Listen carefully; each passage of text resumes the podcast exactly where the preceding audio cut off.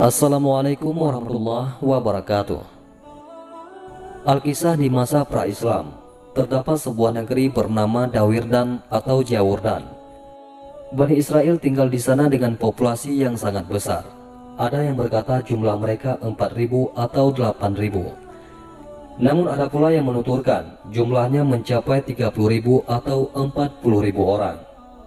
Suatu hari, wabah tahun melanda negeri tersebut Penyakit mematikan itu menghantui dan menakuti penduduk negeri. Mereka sangat takut mati hingga setiap penduduk berkemas meninggalkan desa. Mereka lari menghindari wabah dengan keyakinan dapat lari pula dari kematian. Puluhan ribu orang Bani Israel itu pun bereksodus meninggalkan Dawirdan. Mereka pindah ke suatu tempat di dataran rendah yang diyakini aman dari wabah tahun. Mereka bersuka cita dengan negeri baru yang akan mereka tempati. Dengan sombong, mereka merasa dapat melawan kematian dan akan hidup dengan usia yang sangat lama. Namun Allah lah Sang Maha Kuasa dan yang Maha Mematikan. Rabb Ta'ala mengutus dua malaikat ke dataran rendah negeri baru warga Dawirdan. Salah satu malaikat berada di atas lembah dekat negeri tersebut. Adapun satu malaikat lain menuju bagian bawahnya. Serentak, kedua malaikat meneriakkan sebuah pekikan Lalu matilah seluruh Bani Israel di negeri tersebut. Tak ada satupun dari mereka yang tersisa. Semuanya tergeletak menjadi mayat, bergelimpangan tak ada yang mengurus. Waktu berlalu, tak ada yang tahu mengenai negeri tersebut. Mayat-mayat penduduknya terkubur sendirinya. Mereka membusuk dan tersisa belulang saja. Tulang satu dengan tulang lain pun tercerai-berai.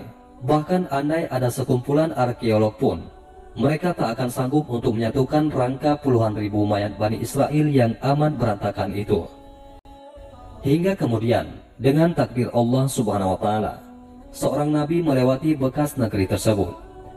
Beliau bukanlah salah satu dari 25 nabi yang dikenal. Namun, sang nabi merupakan salah satu manusia pilihan Allah subhanahu wa ta'ala. Sebagian pendapat, nama nabi tersebut ialah Nabi Hizkil alaihissalam Nabi Hizkil alaihissalam tengah memikirkan bagaimana cara Allah membangkitkan orang-orang mati kelak di hari akhir.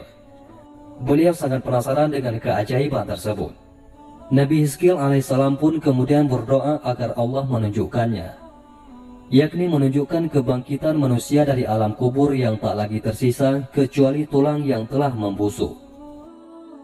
Allah subhanahu wa ta'ala kemudian membangkitkan kembali warga Dawirdan yang telah musnah. Tulang belulang mereka yang tercerai-berai disatukan kembali dengan sempurna.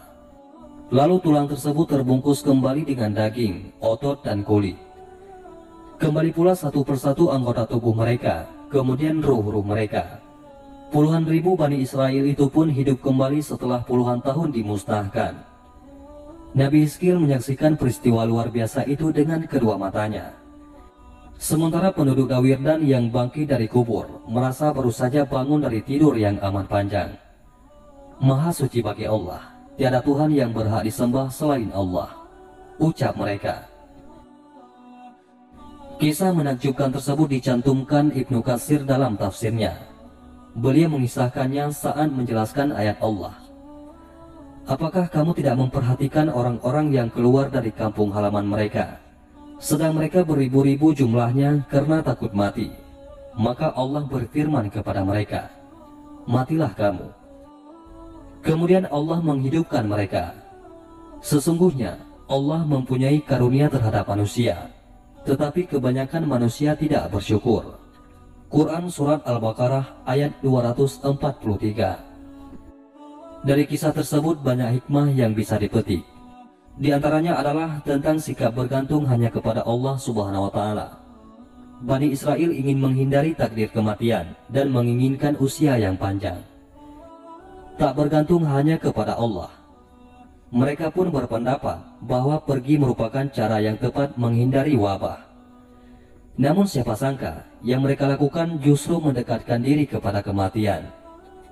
Hikmah lain dari kisah tersebut yakni tentang bagaimana kuasa Allah dalam menghidupkan manusia baik ruh maupun jasadnya.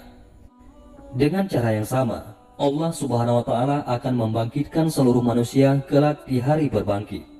Sesungguhnya bagi Allah sangatlah mudah melakukannya.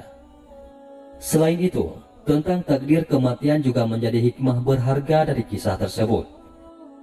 Sesungguhnya, setiap orang tidak dapat menghindari kematian maupun mendahulukannya.